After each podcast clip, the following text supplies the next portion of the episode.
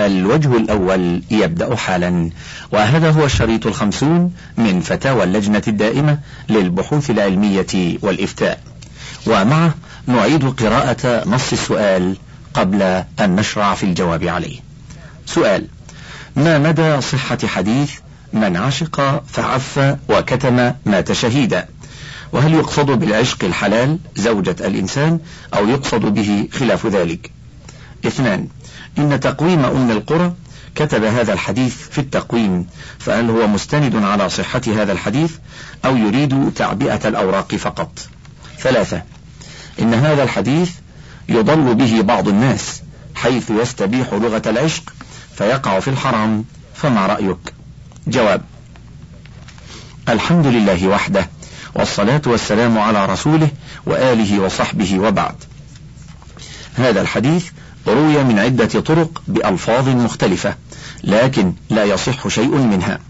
فروي من طريق سويد بن سعيد عن علي بن مسهر عن أبي يحيى القتات عن مجاهد عن ابن عباس عن النبي صلى الله عليه وسلم. ومن طريق سويد عن علي بن مسهر عن هشام بن عروة عن أبيه عن عائشة عن النبي صلى الله عليه وسلم. وقد أنكر على سويد رواية هذا الحديث جماعة من أئمة الحديث منهم أبو أحمد بن عدي والبيهقي والحاكم وابن طاهر ويحيى بن معين وقال هو ساقط كذاب. وذكر ابن الجوزي هذا الحديث في الموضوعات. وقال الإمام أحمد في سويد بن سعيد إنه متروك الحديث. وقال النسائي ليس بثقة. وقال البخاري كان قد عمي فتلقن ما ليس من حديثه. وقال ابن حبان يأتي بالمعضلات عن الثقات يجب اجتناب ما روى. وقال أبو حاتم الرازي صدوق كثير التدليس. واعتذر مسلم عن إخراجه حديثه في صحيحه بأنه لم يأخذ عنه إلا ما كان عاليا وتوبع عليه. ولأجل هذا أعرض عن رواية هذا الحديث في صحيحه. وقد روى هذا الحديث الحاكم من طريق محمد بن داود بن علي الطاهري عن أبيه عن سويد وتعجب منه. وأخرجه ابن الجوزي من طريق محمد بن المرزبان عن أبي بكر الأزرق عن سويد. وما تقدم من الطعن في سويد كاف في رد هذا الحديث من طريقه. وقد روى هذا الحديث من غير طريق سويد أناس آخرون. فرواه ابن الجوزي في العلل من طريق ابن عيسى عن ابن أبي نجيح عن مجاهد عن ابن عباس. وضاعف أحمد بن حنبل يعقوب. ورواه الخطيب من طريق الزبير بن بكار عن عبد الملك بن الماجشون. عن عبد العزيز بن أبي حازم عن ابن أبي نجيح عن مجاهد عن ابن عباس. وعبد الملك هو ابن عبد العزيز الماجشون. كان فقيها لكنه ضعيف في الحديث. قال أبو داود كان لا يعقل الحديث. وقال الساجي ضعيف الحديث صاحب رأي وقال مصعب الزبيري كان يفتي وكان ضعيفا في الحديث. قال ابن حجر في التلخيص الحبير وهذه الطريق غلط فيها بعض الرواة فأدخل إسنادا في إسناد وقد قوى بعضهم هذا الخبر حتى يقال إن أبا الوليد الباجي نظم في ذلك. إذا مات المحب جوا وعشقا فتلك شهادة يا صاح حقا رواه لنا ثقات عن ثقات إلى الحبر بن عباس ترقى. ولكن ما تقدم من الجرح المبين في سويد بقبوله التلقين بعد أن عمي وبتدليسه وقد عنعن في روايته عمن فوقه. ورواية المناكير كاف في الحكم بعدم صحة هذا الحديث على كل الطرق التي تدور عليه. كما تقدم أنه غير صحيح من طريق يعقوب ابن عيسى وطريق الزبير بن بكار لضعف يعقوب وعبد الملك ابن الماجشون. يضاف إلى هذا ما ذكره ابن قيم الجوزية وابن معين والحاكم وغيرهم من نكارة متنه حتى قال أبو عبد الله ابن القيم إن نكارة متنه كافية في رده. جواب على النقطة الثانية. مما تقدم في الجواب عن الفقرة الأولى من السؤال يتبين أن الحديث غير صحيح لضعف أسانيده ونكارة متنه. وأما كتابة من يتولى تقويم أم القرى لهذا الحديث في أوراق التقويم فربما كان لعدم معرفته لضعف هذا الحديث. ولعلهم إذا تبين لهم ضعفه أو وضعه وكذبه تركوه حماية لأنفسهم من الكذب على رسول الله صلى الله عليه وسلم ومن التغرير بالناس لذريعة الشر. فإن الناس في حاجة إلى ما يفطمهم عن الشر ويعصمهم منه لا إلى ما يغريهم به ويوقعهم فيه.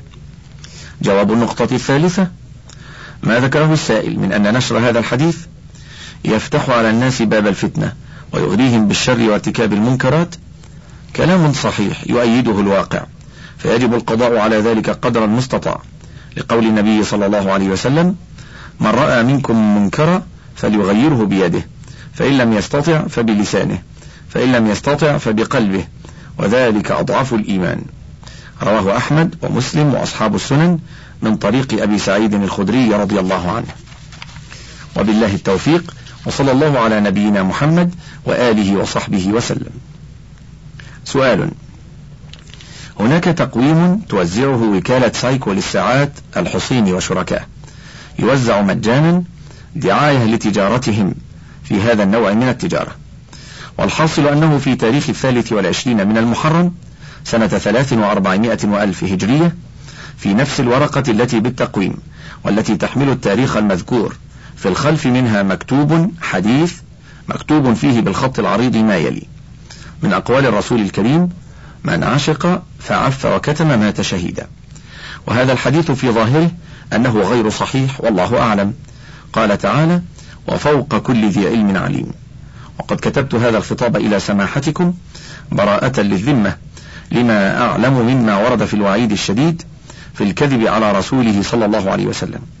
فمثل هذه التقاويم والصحف والنشرات والكتيبات يجب على وزارة الإعلام الانتباه فيما يكتبونه من الآيات والأحاديث والتأكيد على صحة ذلك إن كان صحيحا. وفق الله الجميع لما يحب ويرضى. ونرجو من سماحتكم الأمر على من يهمه الأمر بما ترونه صالحا وترون فيه خيرا. جواب الحمد لله وحده والصلاة والسلام على رسوله وآله وصحبه وبعد. هذا الحديث رواه الخطيب في ترجمة عطية بن الفضل لكن بلفظ من عشق فعف ثم مات مات شهيدا. وفي سنده أحمد بن محمد بن مسروق. ذكره الذهبي في الضعفاء وقال لينه الدار قطني. وفيه أيضا سويد بن سعيد الدقاق وهو منكر الحديث. وإن كان قد أخرج له مسلم في المتابعات فقد قال فيه الإمام أحمد متروك. وفيه أيضا أبو يحيى القتات ضعفه غير واحد. وقال فيه ابن حبان فحش غلطه وكثر وهمه حتى سلك مسلك غير العدول في الرواية ورواه الخطيب أيضا في ترجمة عثمان المروزي بلفظ من عشق فكتم وعف ومات مات شهيدا. وفي سنده سويد بن سعيد وقد قال ابن معين لو كان لي فرس ورمح لغزوته. وقال ابن الجوزي دار الحديث عليه فهو لا يصح من أجله. ورواه الحاكم من طرق كلها هذا الطريق أمثلها. وقال ابن القيم هذا الحديث والذي قبله كل منهما موضوع. نقول قال ابن معين لو كان لي فرس ورمح لغزوته. وقال ابن الجوزي دار الحديث عليه فهو لا يصح من أجله. ورواه الحاكم من طرق كلها. هذا الطريق أمثلها. وقال ابن القيم هذا الحديث والذي قبله. كل منهما موضوع. وبالله التوفيق. وصلى الله على نبينا محمد وآله وصحبه وسلم. سؤال. أتقدم لفضيلتكم؟ راجيا منكم؟ حفظكم الله ذخرا للإسلام؟ أن تجيبوا على هذا السؤال. قال صلى الله عليه وسلم أمرنا أن نتركهم وما يدينون. السؤال هل هذا الحديث وارد عن رسول الله صلى الله عليه وسلم؟ وإن كان واردا فما هي درجة صحته؟ وهل يعمل به الآن؟ أم نسخ الحديث غيره؟ هذا إذا كان واردا أو كان مكذوبا فأرجو إيضاح ذلك. الحمد لله وحده والصلاة والسلام على رسوله وآله وصحبه وبعد. لا نعلم حديثا عن النبي صلى الله عليه وسلم بلفظ أمرنا أن نتركهم وما يدينون ولا بمعناه بل هو مخالف للكتاب والسنة الصحيحة الآمرة بإبلاغ الشريعة وجهاد من لم يستجب لها. وبالله التوفيق وصلى الله على نبينا محمد وآله وصحبه وسلم. سؤال قال رسول الله صلى الله عليه وسلم يا علي لا تنم إلا أن تأتي أشياء وهي ألف قراءة القرآن كله باء التصدق بأربعة آلاف درهم جيم زيارة الكعبة دال حفظ مكانك في الجنة هاء إرضاء الخصوم. فقال علي كرم الله وجهه وكيف ذلك يا رسول الله؟ فقال رسول الله صلى الله عليه وسلم أما تعلم أنك إذا قرأت قل هو الله أحد ثلاث مرات فقد قرأت القرآن كله وإذا قرأت الفاتحة أربع مرات فقد تصدقت بأربعة آلاف درهم وإذا قلت لا إله إلا الله وحده لا شريك له له الملك وله الحمد يحيي ويميت وهو على كل شيء قدير. عشر مرات فقد زرت الكعبة وإذا قلت لا حول ولا قوة إلا بالله العلي العظيم عشر مرات فقد حفظت مكانك في الجنة. وإذا قلت أستغفر الله العظيم الذي لا إله إلا هو الحي القيوم وأتوب إليه. فقد أرضيت الخصوم. فضيلة الشيخ الرجاء من فضيلتكم توضيح سند هذا الحديث وهل هو حديث صحيح عن الرسول صلى الله عليه وسلم؟ جواب الحمد لله وحده والصلاة والسلام على رسوله وآله وصحبه وبعد. هذا الحديث لا أصل له بل هو من الموضوعات من كذب بعض الشيعة كما نبه على ذلك أئمة الحديث. وبالله التوفيق وصلى الله على نبينا محمد وآله وصحبه وسلم. سؤال كتب أحد الكتاب في إحدى الجرائد اليومية في دولة الإمارات العربية المتحدة مقالا ذكر فيه أن الرسول صلى الله عليه وسلم قال العقد شريعة المتعاقدين إلا عقدا حرم حلالا أو أحل حراما. ونظرا لأن المحفوظ عندي هو المسلمون عند شروطهم إلا شرطا إلى آخر الحديث أو المؤمنون عند شروطهم كما في الرواية الأخرى. أخذت أبحث عن هذا الحديث في كتب الحديث التي تحت يدي فلم أجده. أرجو من سماحتكم إفادتنا عن مدى صحة هذا الحديث بالنص الذي ذكره الكاتب. جواب الحمد لله وحده والصلاة والسلام على رسوله وآله وصحبه وبعد. ما نسب إلى النبي صلى الله عليه وسلم أنه قال العقد شريعة المتعاقدين لا نعلم حديثا عن النبي صلى الله عليه وسلم بهذا اللفظ وإنما هو مما فهمه بعض المتعلمين من نصوص الشريعة كقوله تعالى أعوذ بالله من الشيطان الرجيم. يا أيها الذين آمنوا لا تأكلوا أموالكم بينكم بالباطل إلا إلا أن تكون تجارة عن تراض منكم. وقوله عز وجل يا أيها الذين آمنوا أوفوا بالعقود الآية. فعبر عن فهمه من عند نفسه بالعبارة المذكورة. وبالله التوفيق وصلى الله على نبينا محمد وآله وصحبه وسلم. سؤال. أسأل عن درجة هذا الحديث. يأتي زمان على الناس همومهم بطونهم وشربهم متاعهم وقبلتهم نساؤهم ودينهم دراهمهم ودنانيرهم. أولئك شر الخلق لا خلاق لهم أو كما قال صلى الله عليه وسلم. جواب الحمد لله وحده والصلاة والسلام على رسوله وآله وصحبه وبعد. لا نعلم أن ما ذكرته حديث وذلك بعض بعد المراجعة والتتبع في الكتب المؤلفة في هذا الشأن والأظهر أنه موضوع. سؤال أيضا وجدت حديثا بهذا النص في جزء من مجلة. فهل ورد حديث بهذا النص؟ وهو حديث قدسي عن الله تبارك وتعالى. إنني والجن والإنس في نبأ عظيم أخلق ويعبد غيري وأرزق ويشكر سواي. جواب ذكر في كتاب الإتحافات السنية عن معاذ رضي الله عنه عن النبي صلى الله عليه وسلم قال قال الله تبارك وتعالى إنني والجن والإنس في نبأ عظيم أخلق ويعبد غيري وأرزق ويشكر غيري.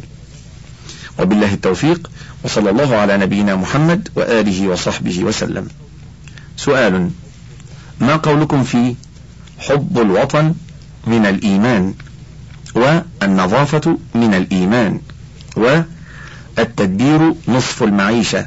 أو الاقتصاد نصف المعيشة؟ هل هذه أحاديث صحيحة أم حكم فقط؟ جواب الحمد لله وحده والصلاة والسلام على رسوله وآله وصحبه وبعد. ما ذكرته من الجمل ليست بأحاديث عن النبي صلى الله عليه وسلم وإنما هي كلمات جرت على ألسنة الناس. وبالله التوفيق وصلى الله على نبينا محمد وآله وصحبه وسلم. سؤال لا تجعلوا آخر طعامكم ماء؟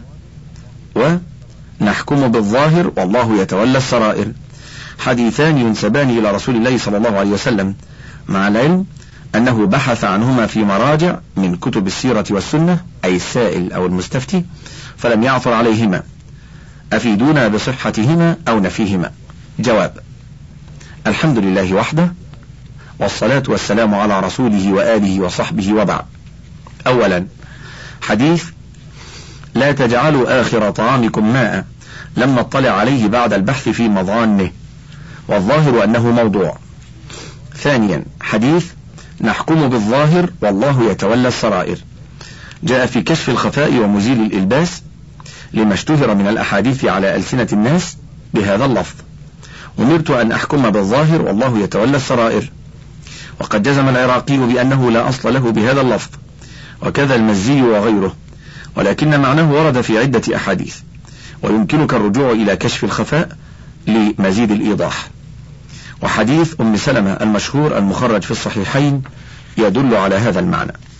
سؤال علموا أبناءكم السباحة وركوب الخيل. هل هذا حديث أو قولة لأحد الصحابة؟ جواب الحديث بهذا اللفظ لم نطلع عليه. ولكن لبعضه شواهد تدل على أن له أصلا كما في كشف الخفاء للعجلوني والجامع الصغير للسيوطي. وبالله التوفيق وصلى الله على نبينا محمد وآله وصحبه وسلم.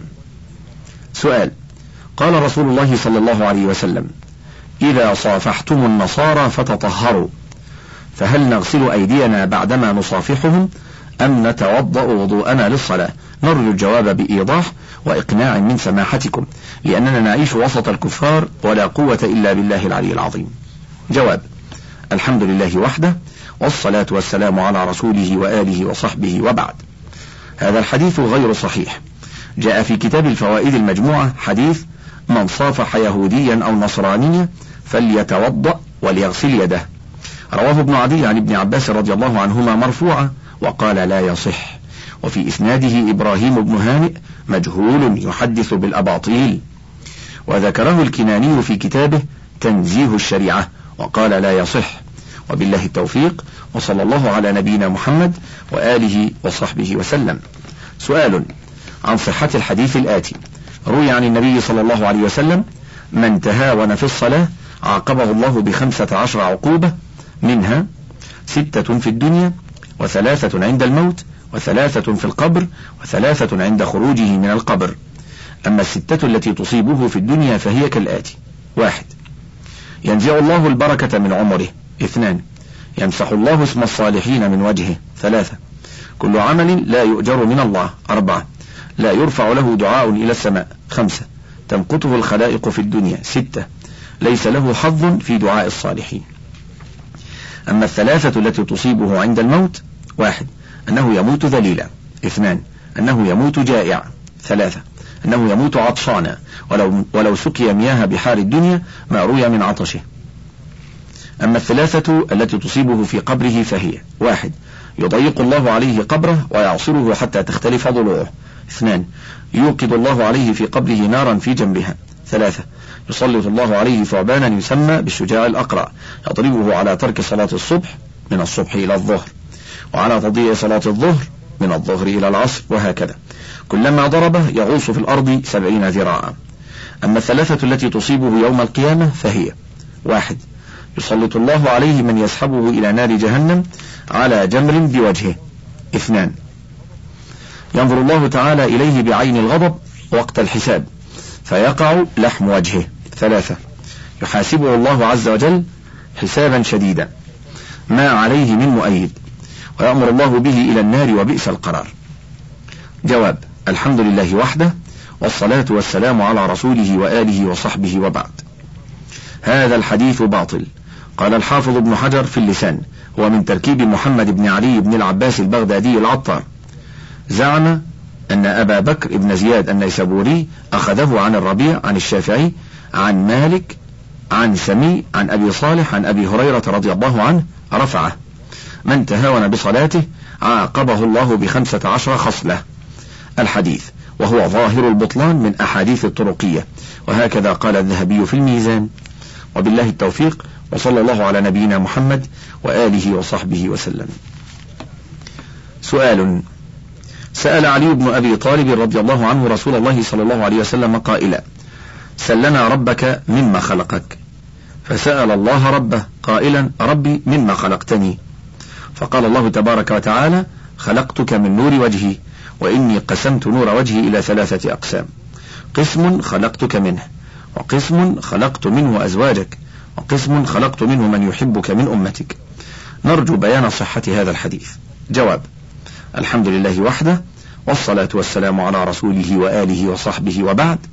هذا الحديث مكذوب على رسول الله صلى الله عليه وسلم لا أصل له في كتب الحديث المعتبرة. وبالله التوفيق وصلى الله على نبينا محمد وآله وصحبه وسلم. سؤال قد ورد حديث في صحيح الجامع الصغير للسيوطي تحقيق محمد ناصر الدين الألباني المجلد السادس الصفحة الثانية والتسعين بعد المئتين. ورقم الحديث هو أربعة عشر وثمانمائة وسبعة آلاف. تقسيم اثنين تقسيم خمسة وثلاثين. عن ابن عباس. ورمز له بالصحة. أرجو إبداء رأيكم فيه سندا ومتنا ثم على فرض صحته هل هو موافق للقرآن والسنة الصحيحة؟ لأني عندما قرأته لا زال في نفسي شيء من معناه وفي ألفاظه كذلك. أولا في تخصيص العباس به وكل الروايات في هذا المعنى عن العباس. ثانيا في قوله أوله وآخره خطأه وعمده وصغيره وكبيره. ثالثا في كل يوم مرة. فإن لم تستطع ففي كل جمعة أو شهر أو سنة أو في عمرك. جواب الحمد لله وحده والصلاة والسلام على رسوله وآله وصحبه وبعد. هذا الحديث ليس بثابت بل هو منكر وذكره بعض أهل العلم في الموضوعات ولا نعلم ما يدل على ما تضمنه من كتاب أو سنة. وهو الحديث المشهور بحديث صلاة التسبيح. وبالله التوفيق وصلى الله على نبينا محمد وآله وصحبه وسلم. سمعت من بعض الناس يقول حديثا قدسيا عبارته عبدي أطعني تكن عبدا ربانيا. يقول للشيء كن فيكون. هل هذا حديث قدسي صحيح أم غير صحيح؟ جواب الحمد لله وحده والصلاة والسلام على رسوله وآله وصحبه وبعد. هذا الحديث لم نعثر عليه في شيء من كتب السنة ومعناه يدل على أنه موضوع إذا أنه ينزل العبد المخلوق الضعيف منزلة الخالق القوي سبحانه أو يجعله شريكا له. تعالى عن أن يكون له شريك في ملكه واعتقاده. شرك وكفر. لأن الله سبحانه هو الذي يقول للشيء كن فيكون. كما في قوله عز وجل إنما أمره إذا أراد شيئا أن يقول له كن فيكون. وبالله التوفيق وصلى الله على نبينا محمد وآله وصحبه وسلم. سؤال. قد عثرت في حديث قدسي في كتاب منهاج الصالحين من أحاديث وسنة خاتم الأنبياء والمرسلين لمؤلفه عز الدين بليق وقد وجدته في باب الأحاديث القدسية ونصه كالآتي أوحى الله إلى داود وعزتي ما من عبد يعتصم بي دون خلقي. ونصه كالآتي أوحى الله إلى داود وعزتي ما من عبد يعتصم بي دون خلقي أعرف ذلك من نيته. فتكيده السماوات والأرض بمن فيها إلا جعلت له من بين ذلك مخرجا. وما من عبد يعتصم بمخلوق دوني. أعرف ذلك من نيته؟ إلا قطعت أسباب السماء بين يديه وأسخت الهوى تحت قدميه. وما من عبد يطيعني؟ إلا وأنا معطيه قبل أن يسألني. ومستجيب له قبل أن يدعوني. وغافر له قبل أن يستغفرني. رواه تمام وابن عساكر والديلمي. عن عبد الرحمن بن كعب عن أبيه. وعلى حسب ما جاء في مقدمة هذا الكتاب من كلام المؤلف أنه لا يروي الأحاديث المتناقضة ويستبعد الأحاديث الضعيفة أو الموضوعة. اعتمدنا على هذا الكتاب. ولكني وجدت بعد فترة في كتاب سلسلة الأحاديث الضعيفة والموضوعة للألباني أن هذا الحديث موضوع. لهذا نود أن نعرف درجة هذا الحديث وهل نستطيع أن نقوله أو لا وما رأيكم في كتاب منهاج الصالحين وهل نستطيع أن نأخذ به؟ ورأيكم في كتاب سلسلة الأحاديث الضعيفة والموضوعة للألباني. أفيدونا أفادكم الله. جواب الحمد لله وحده والصلاة والسلام على رسوله وآله وصحبه وبعد.